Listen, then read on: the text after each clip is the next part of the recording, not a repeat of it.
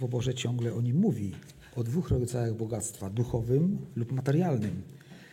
I ponieważ dzisiaj chcę z Wami, z Bożą pomocą dokończyć pierwszy list do Tymoteusza, to szósty rozdział jest pełen takich zagadnień, które stawiają do wyboru, a właściwie zachęcają nas do wybrania Bożego bogactwa, bogactwa, które ma wieczną nagrodę, kontrolowania z pomocą Ducha Świętego rzeczy, które są naszymi ziemskimi dobrami.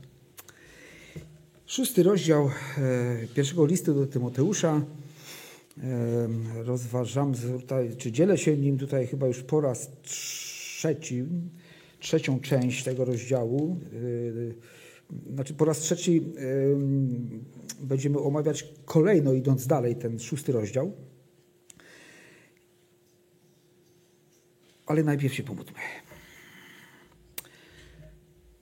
Boże Święty, oto mamy dzielić się Twoim słowem, rozważać Twoje słowo, a Twoje myśli są wyższe niż nasze myśli i drogi Twoje są doskonalsze i wyższe niż nasze drogi. Panie, jak ludzkim językiem wyrazić Boże myśli? Panie, to jest tak trudne. To tylko z Twoją pomocą i dzięki Twojej łasce każdy, kto słucha, może usłyszeć to, co Duch Święty chce, aby dotarło do każdego serca. Panie Jezu, wszyscy potrzebujemy dzisiaj Twojego błogosławieństwa, Twojej łaski, Twojej pomocy, tego tchnienia ducha, który daje zrozumienie, ale też uzdalnia. Uzdalnia do tego, żeby podzielić się Twoim słowem i o tą łaskę, i o to błogosławieństwo Ciebie proszę. Amen. Kiedy poprzednim razem czytaliśmy wersety od 6 do 11, właściwie od 5 zaczynając, e, było tam między w piątym i szóstym wersecie zestawienie dwóch rodzajów pobożności.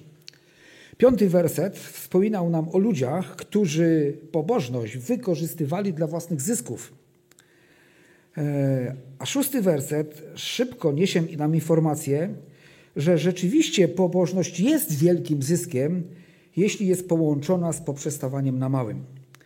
I poprzednim razem, no już w sumie kilka tygodni temu, e, mówiliśmy o tym, że pobożność musi w naszym życiu cechować się, właściwie prawdziwa pobożność jest wtedy prawdziwą pobożnością, kiedy jest połączona z poprzestawaniem na małym. I tam czytaliśmy, czy ostrzeżenie było w Bożym Słowie e, przed e, dwoma takimi rzeczami, które atakują nasze życie. To jest chęć bogacenia się, kiedy widzimy, że inni mają więcej, że innym się powodzi materialnie, pojawia się w sercu, a nawet niezależnie od tego, chęć bogacenia się. Dziewiąty werset mówi, którzy chcą być bogaci, wpadają w pokuszenie sidła i liczne bezsensowne pożądliwości, a więc to było to pierwsze zagrożenie, które omawialiśmy które jest zapisane tutaj w Bożym Słowie. I dziesiąty werset mówi, że korzeniem wszelkiego zła jest miłość pieniędzy, nie posiadanie pieniędzy, to nigdy samo w sobie nie jest złe, lecz miłość pieniądza czy miłość do pieniędzy. Tak więc było to zestawienie czy pokazanie y, ludzi, którzy zboczyli z drogi prawdy, którzy, e, których umysł został spaczony, ich sposób myślenia, ich wartości życiowe zostały spaczone i dlatego e, próbowali z pobożności ciągnąć jakieś zyski szeroko pojęte, czy to finansowe, czy jeśli chodzi o pozycję w kościele, czy, czy jakąkolwiek inną rzecz, która mogła być prywatnym zyskiem. Natomiast pobożność jest promowana z radością przez Boże Słowo, że ona ma wielką nagrodę, pod warunkiem, że umiemy być zadowoleni z tego, co mamy i dziękować Bogu za to, co mamy. Ale jak wspomniałem, Słowo Boże nie jest przeciwnikiem posiadania pieniędzy, lecz też miłości do pieniędzy. To przed tym Słowo Boże ostrzega. A dzisiaj mamy wersety od 11 do 21 i chcielibyśmy wspólnie najpierw przeczytać to słowo. Ale Ty, człowiecze Boży, unikaj tego, a zabiegaj o sprawiedliwość, pobożność, wiarę, miłość, cierpliwość, łagodność. Staczaj dobry bój wiary, uchwyć się żywota wiecznego, do którego też zostałeś powołany i złożyłeś dobre wyznanie wobec wielu świadków. Nakazuję Ci przed obliczem Boga, który wszystko ożywia, przed obliczem Chrystusa Jezusa, który przed Poncjuszem Piłatem złożył dobre wyznanie, abyś zachował przykazanie bez skazy, bez nagany do przyjścia Pana naszego Jezusa Chrystusa, które we właściwym czasie objawi błogosławiony jedyny władca, król królów i pan panów, jedyny, który ma nieśmiertelność, który mieszka w światłości niedostępnej, którego nikt z ludzi nie widział i widzieć nie może. Jemu niech będzie cześć i moc wieczna. Amen. Bogaczom tego świata nakazuj, żeby się nie wynosili i nie pogładali nadziei w niepewnym bogactwie, lecz w Bogu, który nam ku używaniu wszystkiego obficie udziela. A żeby dobrze czynili, bogacili się w dobre uczynki, byli hojni, chętnie dzielili się z innymi, gromadząc sobie skarb jako dobry fundament na przyszłość, aby dostąpić żywota prawdziwego. Tymoteuszu, strzeż tego, co ci powierzono. Unikaj pospolitej, pustej mowy i sprzecznych twierdzeń, błędnej, rzekomej nauki, do której nie jeden przystał i od wiary odpadł. Łaska niech będzie z wami. Amen. Myślę, że w tym momencie jest to jasne, dlaczego ta pieśń. Ponieważ Słowo Boże mówi również o tych kwestiach, ostrzega, ale też zachęca do tego, co pochodzi od Boga i co przynosi Boże błogosławieństwo. Od 11 do 16 wersetu, w kontekście tego, co było mówione w wersetach od 6 do, do 10, e, jeśli chodzi o te ostrzeżenia, pokazana jest ta Boża droga, która wiedzie do chwały. E, jest to ta Boża alternatywa dla życia, alternatywa, która ma błogosławione zakończenie, alternatywa, która, czy to wezwanie Chrystusa do kroczenia, tą, przejście przez tą wąską bramę i kroczenie wąską ścieżką, ponieważ ona wiedzie do życia, do życia wiecznego, pełnego chwały. W 11 wersecie Bóg mówi o Bożym człowieku. Tak często nazywani byli prorocy w Starym Testamencie. E, człowiek Boży to człowiek pobożny w swoim postępowaniu. Tymoteusz, jako ten Boży człowiek, miał skłaniać innych ludzi do myślenia o Bogu i do wywyższania Boga. W takim kierunku zmierza i działa każdy Boży człowiek. Tymoteusz miał nie tylko unikać fałszywej pobożności, zabiegać o praktykowanie chrześcijańskiego charakteru, ale miał też toczyć bój wiary. I to jest takie charakterystyczne stwierdzenie, bo czasami nam się wydaje, że jak my mówimy, wierzę w Pana Jezusa, ja Go przyjąłem, ja jestem za Biblią, ja jestem za wszystkim tym, co tam jest napisane, to wszystko nagle się staje według wzorca Bożego Słowa. Ale wy wszyscy dobrze wiecie, że tak nie jest. Że to nie dzieje się z automatu. Że kroczenie Bożą drogą jest kwestią wyboru, że przestrzeganie Bożego Słowa, Bożego przykazania jest kwestią naszego wyboru w którym my decydujemy się na to, żeby być posłusznymi Panu Bogu. Dlatego tu jest napisane, i to apostoł Paweł doskonale wiedział i przypominał o tym temu to Tymoteuszowi, że ma staczać bój wiary. Jeśli wiara jest w sercu, to nie znaczy, że wszystko się otwiera i idzie gładko.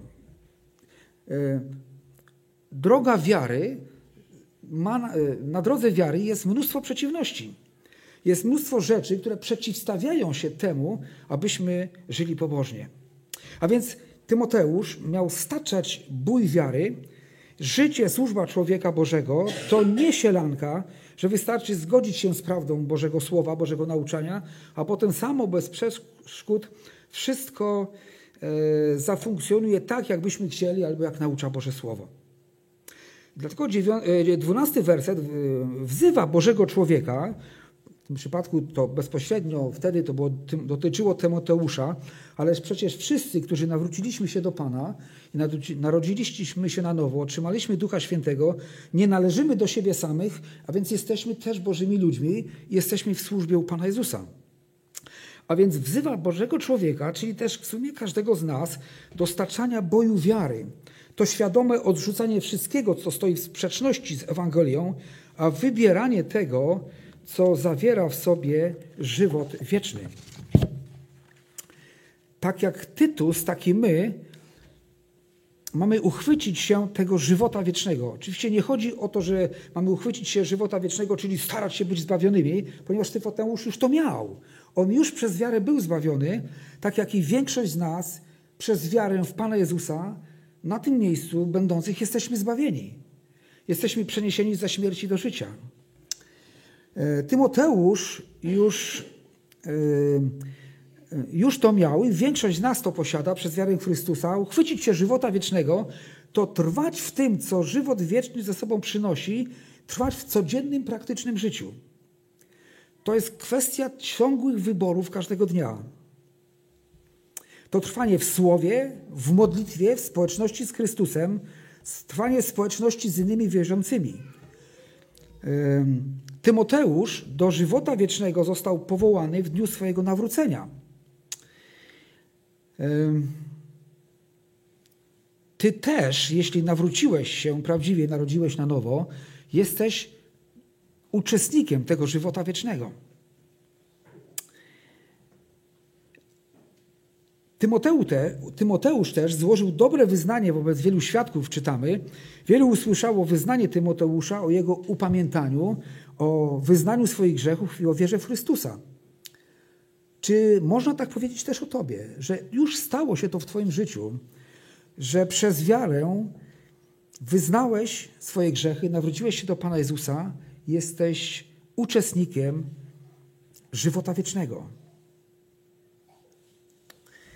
Dalej w 13 wersecie czytamy, że bardzo ważnym, o bardzo ważnym i ekstremalnym, takim poważnym pouczeniu, które apostoł Paweł kieruje do Tymoteusza i kieruje to wobec dwóch świadków.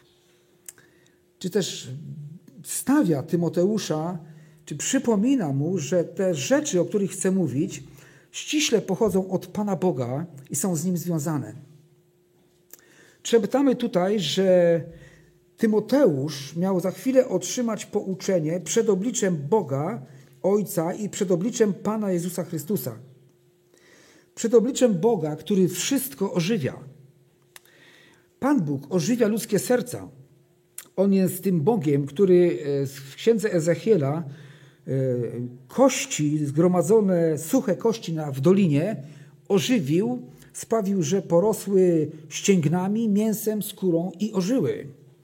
To Bóg, który ożywia wszystko, nawet jeśli wydaje się, że coś już jest beznadziejne, że znikła wiara, że znikła nadzieja, że znikł jakikolwiek ratunek, to On jest tym, który potrafi wszystko zmienić.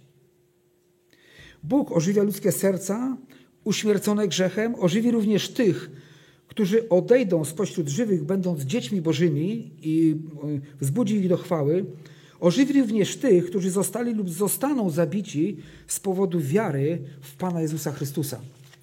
A wiemy, że to działo się nie tylko w Nowym Testamencie, gdzie o tym czytamy, ale również i w naszych czasach takie rzeczy się dzieją, że dla wiary w Pana Jezusa ludzie są pozbawiani fizycznego życia. Ale też e, apostoł Paweł stawia Tymoteusza przed Jezusem Chrystusem, który złożył dobre wyznanie. O Tymoteuszu było powiedziane, że złożył dobre wyznanie. O Panu Jezusie również jest to powiedziane. Kto dla kogo był wzorem? No z pewnością Jezus dla Tymoteusza. I myślę, że dlatego, że Tymoteusz miłował Chrystusa, był e, wierny mu, był zakochany w Chrystusie i służył mu, dlatego też w mocy Chrystusowej mógł złożyć to dobre wyznanie wobec wielu świadków. To Je Jezus to przykład doskonałego, dobrego wyznania. Całe życie Chrystusa to dobre wyznanie wiary, czy też dobre wyznanie służby Bogu i wierności Bogu i poddania się niebieskiemu Ojcu. Przed Piłatem mówi, że urodził się i przyszedł na świat, aby dać świadectwo prawdzie. Każdy, kto z prawdy jest i słucha głosu mego. To było mocne, takie pewne, stabilne wyznanie. Dane y, takie również było Tymoteuszowi y, na wzór, y, jako wzór do naśladowania dla, w świadczeniu o prawdzie. Więc ta, to, to, to doskonałe wyznanie, które Pan Jezus złożył, on, Pan Jezus jako osoba był dla Tymoteusza tym wzorem do naśladowania w świadczeniu o prawdzie. To wzór dla każdego Bożego człowieka. Jakże ważne jest pouczenie apostoła, że odwołuje się do obecności Ojca i Syna. Dalej też patrząc na czternasty e, werset, on e, wzywa e, Tymoteusza wobec tych dwóch postaci, właściwie to jest jeden Bóg, a wymieniane są tutaj dwie osoby, ojciec i syn. zachowanie przykazania nie jest alternatywą. Tak jak czytamy tutaj w 14 wersecie, on pokazuje, że zachowanie Bożych przykazań nie jest jedną z możliwości dla człowieka Bożego. Jeśli nazywamy się imieniem Pana Jezusa i mówimy jestem chrześcijaninem, wierzę w Jezusa, to nie ma alternatywy, że mogę przestrzegać Boże przykazania lub nie. To znaczy mogę nie przestrzegając stać się nieposłusznym dzieckiem Bożym. E, co może przynieść Boże chłostanie i Boże karanie. Ale jeśli jesteśmy tymi ludźmi Bożymi, tymi dziećmi Bożymi, miłującymi Pana, to niemożliwą rzeczą jest, abyśmy nie traktowali na poważnie przykazania Pana Jezusa i przykazań Pana Jezusa i Jego nauczania. Dlatego apostoł Paweł mówi do Tymoteusza, abyś zachował przykazanie bez skazy i bez nagany aż do przyjścia Pana naszego Jezusa Chrystusa. Tak więc zachowanie przykazania jest, nie jest alternatywą, lecz koniecznością i odpowiedzialnością każdego, kto jest Bożym człowiekiem. Wezwanie do zachowania przykazania bez skazy i nienagany yy, i, i, i, bez nagany nie dotyczy oczywiście jakości samego przykazania, bo przykazanie Boże jest niezmienne. Ono nie wymaga nowelizacji, nie, nie, ma, nie wymaga uzupełnienia, czy nie zawiera jakiegoś tam błędu legislacyjnego. Nic z tych rzeczy. Przykazanie Boże jest święte, ono jest doskonałe. Zakon Pana jest doskonały, krzepi kości, tak? czytamy w jednym z psalmów. A więc wezwanie do zachowania e, tego przykazania bez skazy i nagany nie dotyczy samego przykazania, ale jest ono, ponieważ ono jest niezmienne i święte, tu chodzi o to, co z tym przykazaniem zrobić miał Tymoteusz. Tu chodzi o to, co z tym przykazaniem zrobi każdy z nas. Czy w całości je przyjmiemy i podejmiemy się praktykowania w codzienności, czy spróbujemy je złagodzić, zmiękczyć, znowelizować, dostosować do naszych czasów, jak to niektórzy mówią.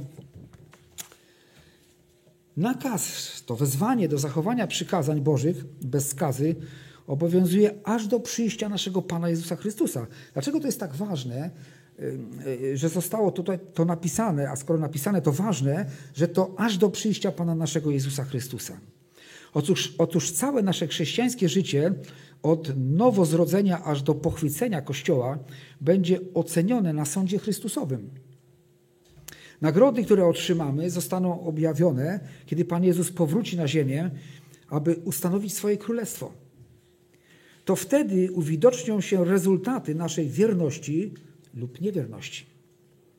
Dlatego tak ważne, żeby aż do przyjścia Pana zachować wierność Bożemu nauczaniu, wierność Chrystusowi, wierność prawdzie Ewangelii. Przepraszam, mogę poprosić o troszeczkę wody. Przyjście Pana zostanie objawione we właściwym czasie, czytamy w 15 wersecie, przez błogosławionego i jedynego władcę, króla królów i pana panów. W tym właściwym czasie wszyscy poznają i zrozumieją, że to Jezus jest królem nad wszystkimi rządzącymi królami i panem nad wszystkimi panami. Wraz z przyjściem Pana Jezusa wszyscy zdadzą sobie sprawę z tego, że Bóg jest jedynym, który ma nieśmiertelność. Mhm, dziękuję bardzo.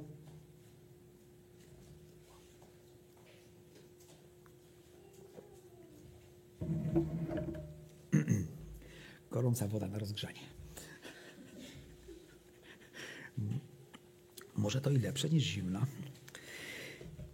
Szesnasty werset mówi o tym, że wraz z przyjściem Pana Jezusa wszyscy zdadzą sobie sprawę z tego, że Bóg jest, jest jedynym, który ma nieśmiertelność.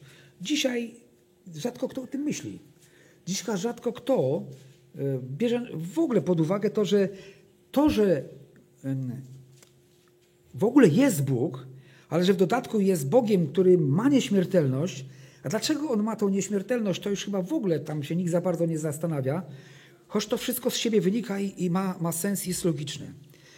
Yy, a więc przyjdzie czas, kiedy wszyscy przekonają się, że on jest jedynym, który ma nieśmiertelność. Ludzie szukają na własną rękę nieśmiertelności, przedłużania życia, to znaczy, że jest to jego cecha wrodzona, jeśli w ogóle można użyć takiego słowa. Ale trudno znaleźć jakieś oddające bardziej tą istotę rzeczy, że nieśmiertelność jest wrodzoną cechą Boga. On ją ma. Tak jak Bóg jest, który jest, nie mając początku ani końca, tak samo nieśmiertelność jest tym, co On ma, bo to w Nim jest i właściwie On jest nieśmiertelnością. Pan Jezus mówi, ja jestem drogą, prawdą i życiem. To nie jest tak, że tylko On daje, pokazuje drogę, że tylko pokazuje prawdę ale i tylko daje życie. On i w Nim jest życie. E, on jest dawcą, On jest źródłem wszelkiego życia i istnienia. Aniołom śmiertelność została nadana. Wierzący ludzie otrzymają nieśmiertelne ciała w czasie zmartwychwstania. Mówi o tym 1 Koryntian 15 rozdział. Ale Bóg ma w sobie nieśmiertelność. Ten, który ma nieśmiertelność, mieszka w światłości niedostępnej. Coś z tej jego nieśmiertelnej istoty, tej światłości, takiej niedostępnej, nieraz pojawiało się w namiocie zgromadzenia, e, czy też później w świątyni czy bardziej to jest opisywane jako obłok niż światłość, ale mm, myślę, że to działo się dlatego, żeby, że, że człowiek nie mógł znieść nic więcej, poza tym, żeby zobaczyć, zobaczyć obłok, ale i tak, nawet widząc obłok, i to myślę, że warto sobie przypomnieć, dwa miejsca ze Starego Testamentu, pierwsza królewska, ósmy rozdział, werset 10 i 11. Co działo się, kiedy chwała pańska wypełniła namiot lub świątynię.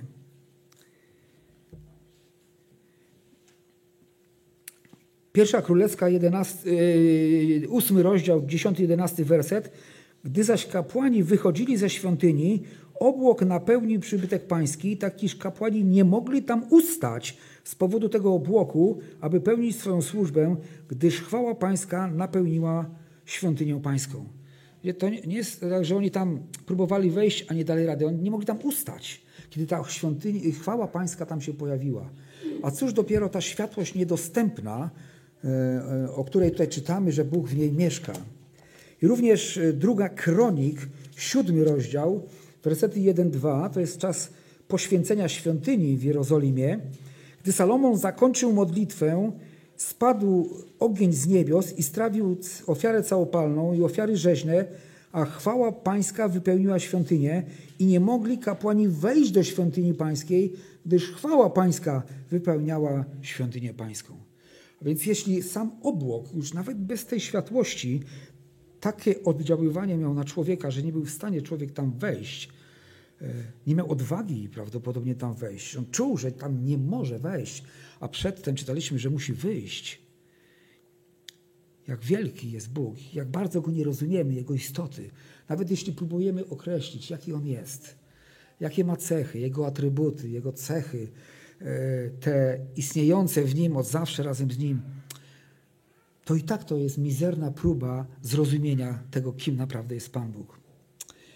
Co my zobaczymy w przyszłości, kiedy staniemy po tamtej stronie? Czy nie jest tak, że chcielibyście już dziś to wiedzieć i tam być?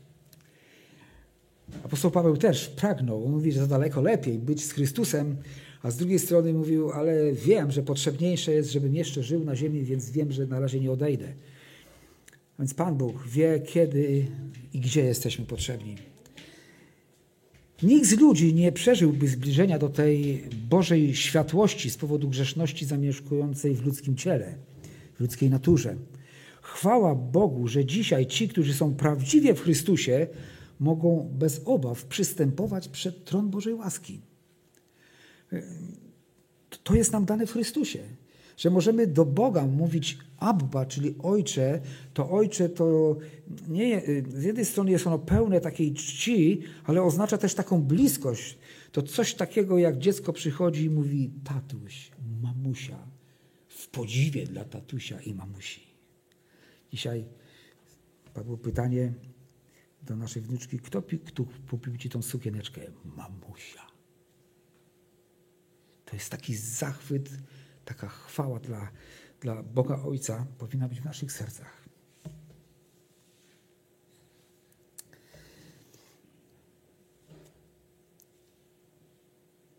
Nikt z ludzi nie może też Boga zobaczyć w Jego, zobaczyć w Jego istocie. Widzimy Go właśnie natomiast w Chrystusie. To jest właśnie dziwne, to jest to, to jest ta wielka też niepojęta kolejna rzecz, w której Pan Jezus przyszedł wcielony, przyszedł w ciele, Syn Boży, stając się prawdziwym człowiekiem. I kiedy chyba Filip mówi, pokaż nam Ojca, Pan Jezus mówi, tak długo jestem z wami, nie widziałeś mnie? Ta istota Ojca nie polega na cielesności, na tym, żeby zobaczyć oczami. Istota Boga polega na, to, kim, na tym, kim On jest. Poznać Boga to poznać, jaki On jest. Mówi się nawet, że to jego imię, ten, to JHWH, nie, nie jest w stanie w ogóle wyrazić do końca i, i określić tego, kim jest. Właściwie często jak Pan Bóg objawia się ludziom, to On daje się poznać w taki sposób, jak ten człowiek go poznaje. Czyli dlaczego niektórzy mówili, On jest Bogiem, który zaopatruje? Ponieważ poznali Boga, który przyszedł z pomocą i zaopatrzył. Kto w innym momencie e, Pan Bóg dał dziecko Annie, która modliła się w świątyni. A więc ona go poznała jako Boga, dającego życie do jej łona.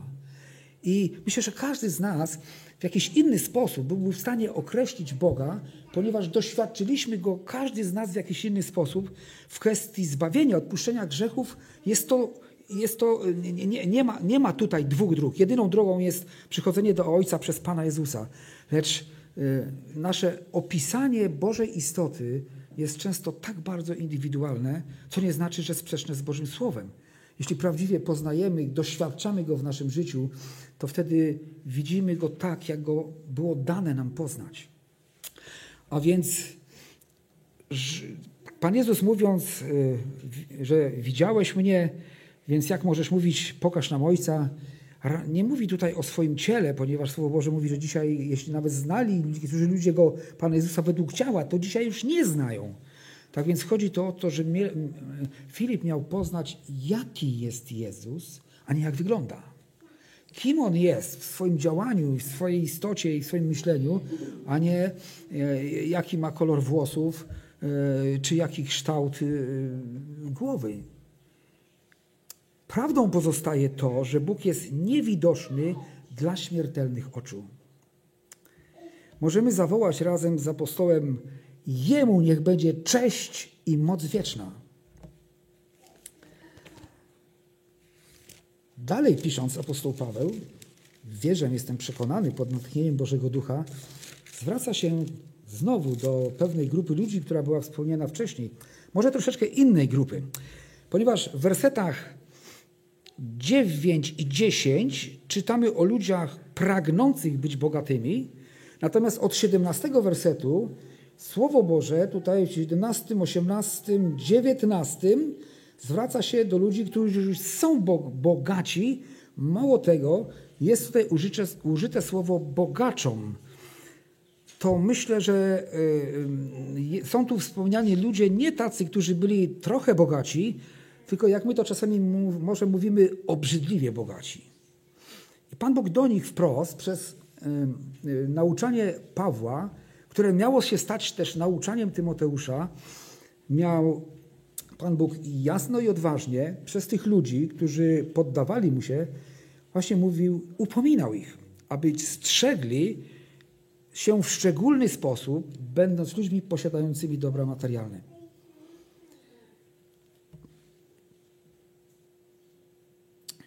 Słowo Boże zwraca się do tych, którzy już są bogaczami.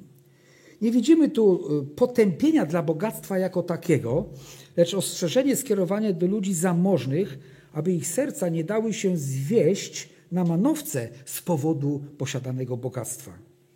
Znajdujemy to ostrzeżenie przed dwoma zagrożeniami, które bogactwo może bardzo szybko spowodować.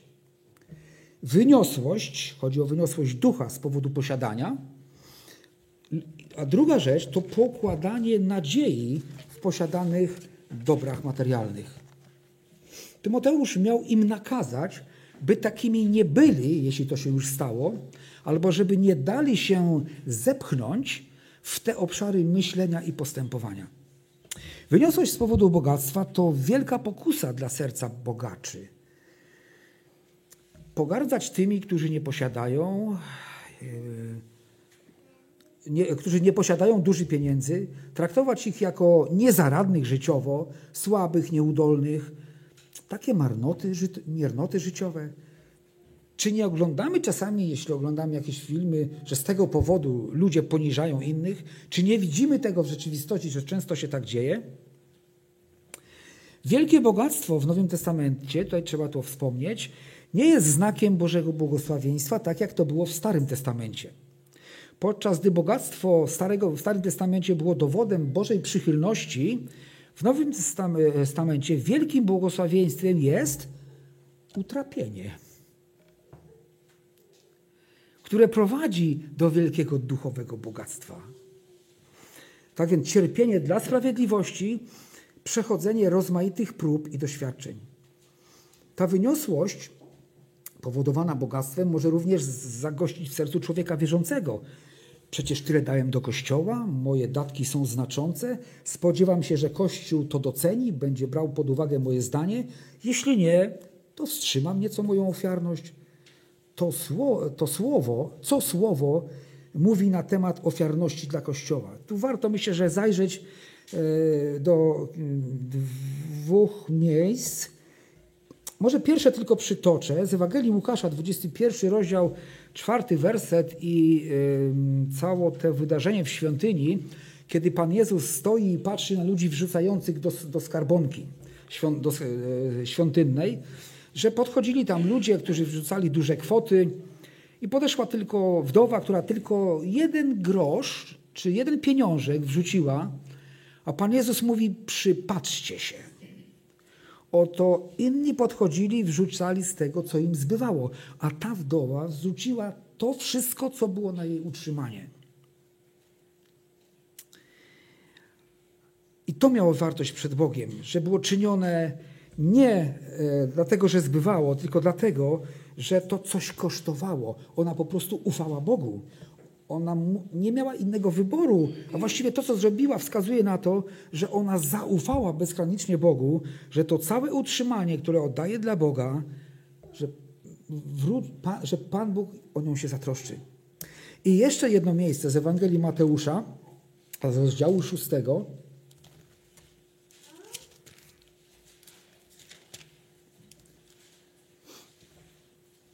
Wersety od 1 do 4.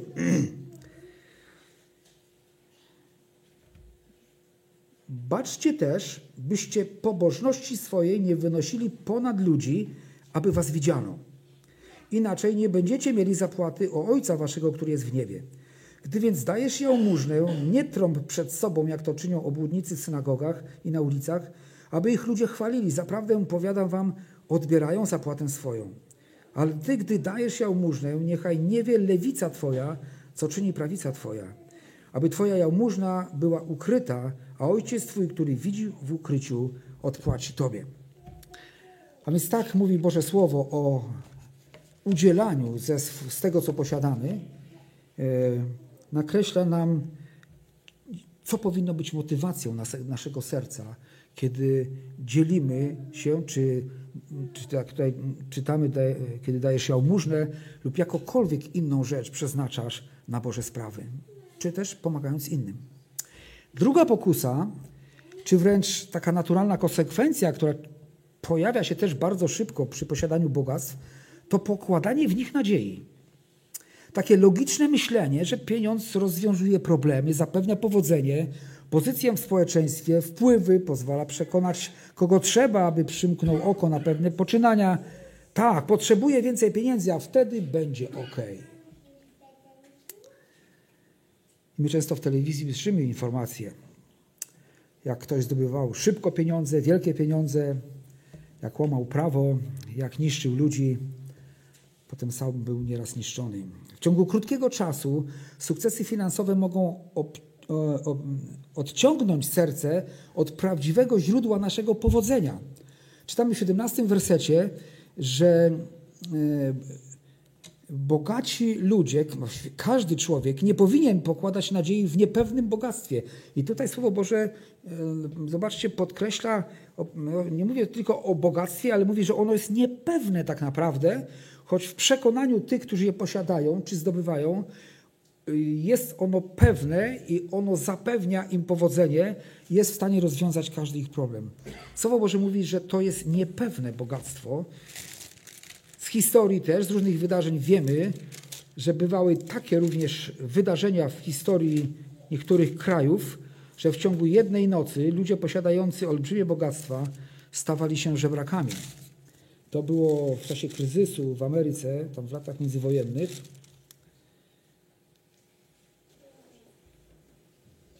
Odbierali sobie życie, dlatego że stracili majątki.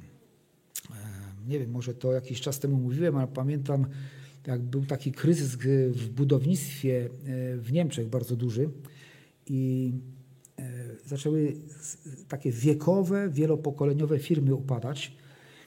Mm, e, jeden właśnie z takich ludzi, który miał taką wielopokoleniową firmę, która zbankrutowała z powodu krachu, odebrał sobie życie. Zniknęło bogactwo, zniknął sens życia. W życiu wierzącego człowieka to jest nie do pomyślenia, aby coś takiego. To nie jest łatwe, oczywiście, bo mój szwagier stracił firmę. Ja, ja wiem, co, co on przeżywał. I gdyby nie to, że jest w Chrystusie, nie wiadomo, jakby się to skończyło. Dobrze rozwijającą się firmę stracił też w tym samym czasie, ale Pan Bóg go zachował, chwała Bogu.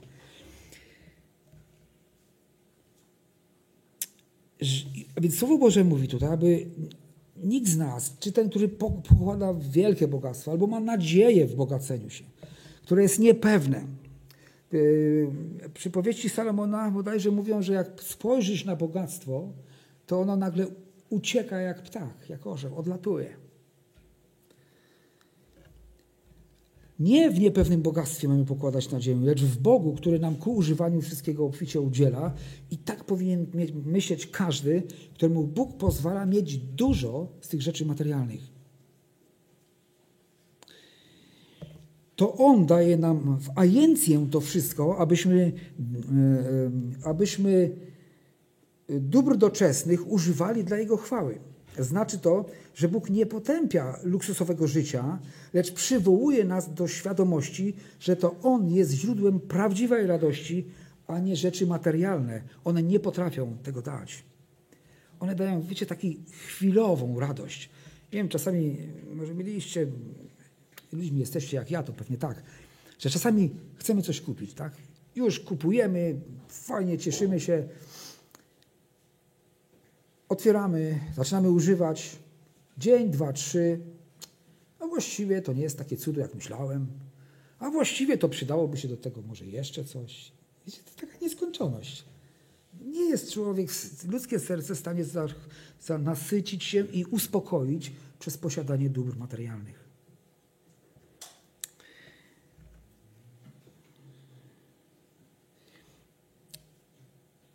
Nie potępia luksusu bytowania Pan Bóg, lecz głupotę serca owładniętego miłością do doczesności.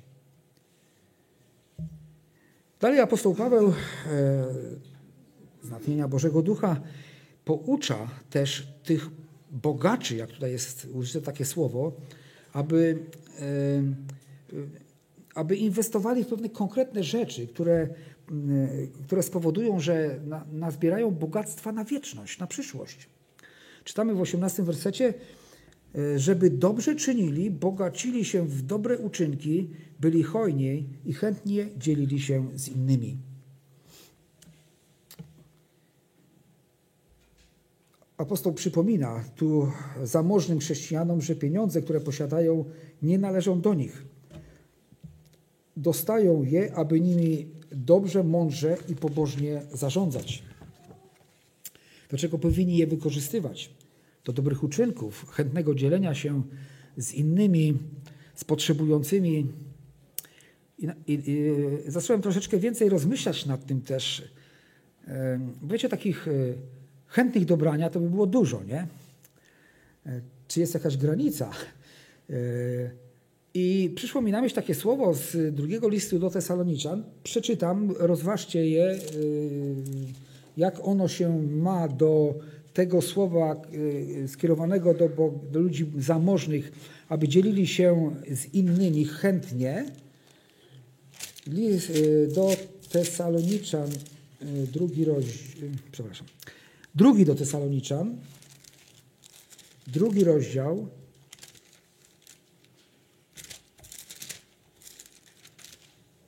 wersety od szóstego. Momencik, przepraszam, chyba coś pomyliłem.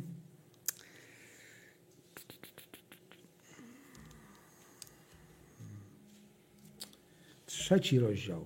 Drugi do Tesalonicza, trzeci rozdział od szóstego wersetu.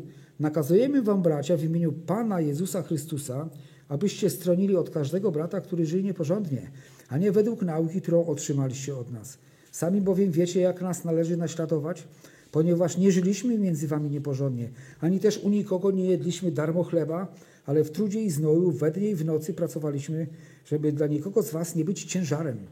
Nie dlatego, jakobyśmy potem prawa nie mieli, lecz dlatego, że wam siebie samych daliśmy za przykład do naśladowania. Bo gdy, bo gdy byliśmy u was, nakazaliśmy wam, kto nie chce pracować, niechaj też nie je. Albowiem dochodzą do nas słuchy, że niektórzy między wami postępują nieporządnie, nic nie robią, zajmują się tylko niepotrzebnymi rzeczami. Tym też nakazujemy i napominamy ich przez Pana Jezusa Chrystusa, aby w cichości pracowali i własny chleb jedli. A więc tak sobie myślę, że jak ktoś nie chce pracować, to niech też nie je, ale też nie powinien dostawać pieniędzy. Powinniśmy skierować go raczej do pracy niż dać pieniądze. Ale to jest taka moja refleksja krótka na, nad tym relacją między zachętą do dzielenia się z innymi e, w przypadku tych, którzy nie chcą wykonywać swoich obowiązków i zarabiać na własne utrzymanie, raczej jakąś rózgę by trzeba było może dać niż pieniądze.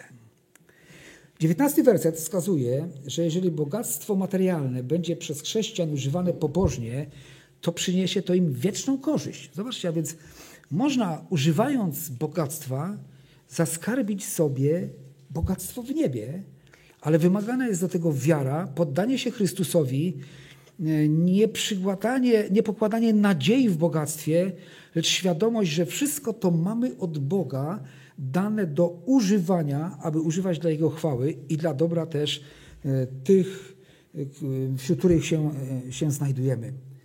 A więc używając doczesnego bogactwa w pracy dla Pana w obecnym czasie, gromadzą sobie dobry fundament na przyszłość, na wieczność. W ten sposób właśnie dostępujemy żywota, który jest prawdziwym, nieprzemijającym życiem. Bogactwo przemija. Nadzieja w nim pokładana gaśnie w ciągu jednej nocy, w, jednej, w ciągu jednej godziny. Ale bogactwo zgromadzone w niebie przez właściwe, pobożne używanie naszych dóbr materialnych przynosi nam wieczną korzyść. Werset 20 21 przypomina nam e, generalną zasadę wymienioną już wcześniej w tym liście. Strzeż powierzonych Bożych rzeczy, unikaj tego, co pospolite, pustej mowy, tego, co ma pozór, na pozór brzmi mądrze i naukowo, a co jest sprzeczne wewnętrznie i w kontekście Pisma Świętego. Jedną z takich rzeczy, czy takich pozornych nauk, e, która przyznaje się do wartości chrześcijańskich, którą by należało wymienić, jest scjentyzm. Jest to bardzo za, e, taka zakamuflowana ideologia, która mówi, my zachowujemy pewne wartości chrześcijańskie, my czynimy to, co chrześcijaństwo naucza i jesteśmy bardzo naukowi, ale ci, którzy przyjrzeli się temu bliżej i myślę, że są też pewne e, literatura na ten temat, ona obnaża, że to jest ani naukowe, ani chrześcijańskie. Jest to e, pokrętna filozofia, która nieutwierdzonych w Bożym Słowie może szybko zachwiać ich wiarą i zwieść na manowce. Tak więc te dwa wersety mówią: Nie daj się tym rzeczom zbałamucić. Nie traktuj takiej nauki ani takich nauczycieli na poważnie, ponieważ ta, to bezwarto, ta bezwartościowa mowa niszczy wiarę Bożą. Uciekaj od pustej mowy i tak zwanych baśni babskich, abyś sam się nie pogrążył. O przed tym ostrzegał apostoł Paweł Tymoteusza, tak Duch Boży mu kładł na serce takie ostrzeżenia, również to słowo skierowane jest i do nas. I cóż można powiedzieć na zakończenie? Łaska niech będzie z nami. Amen.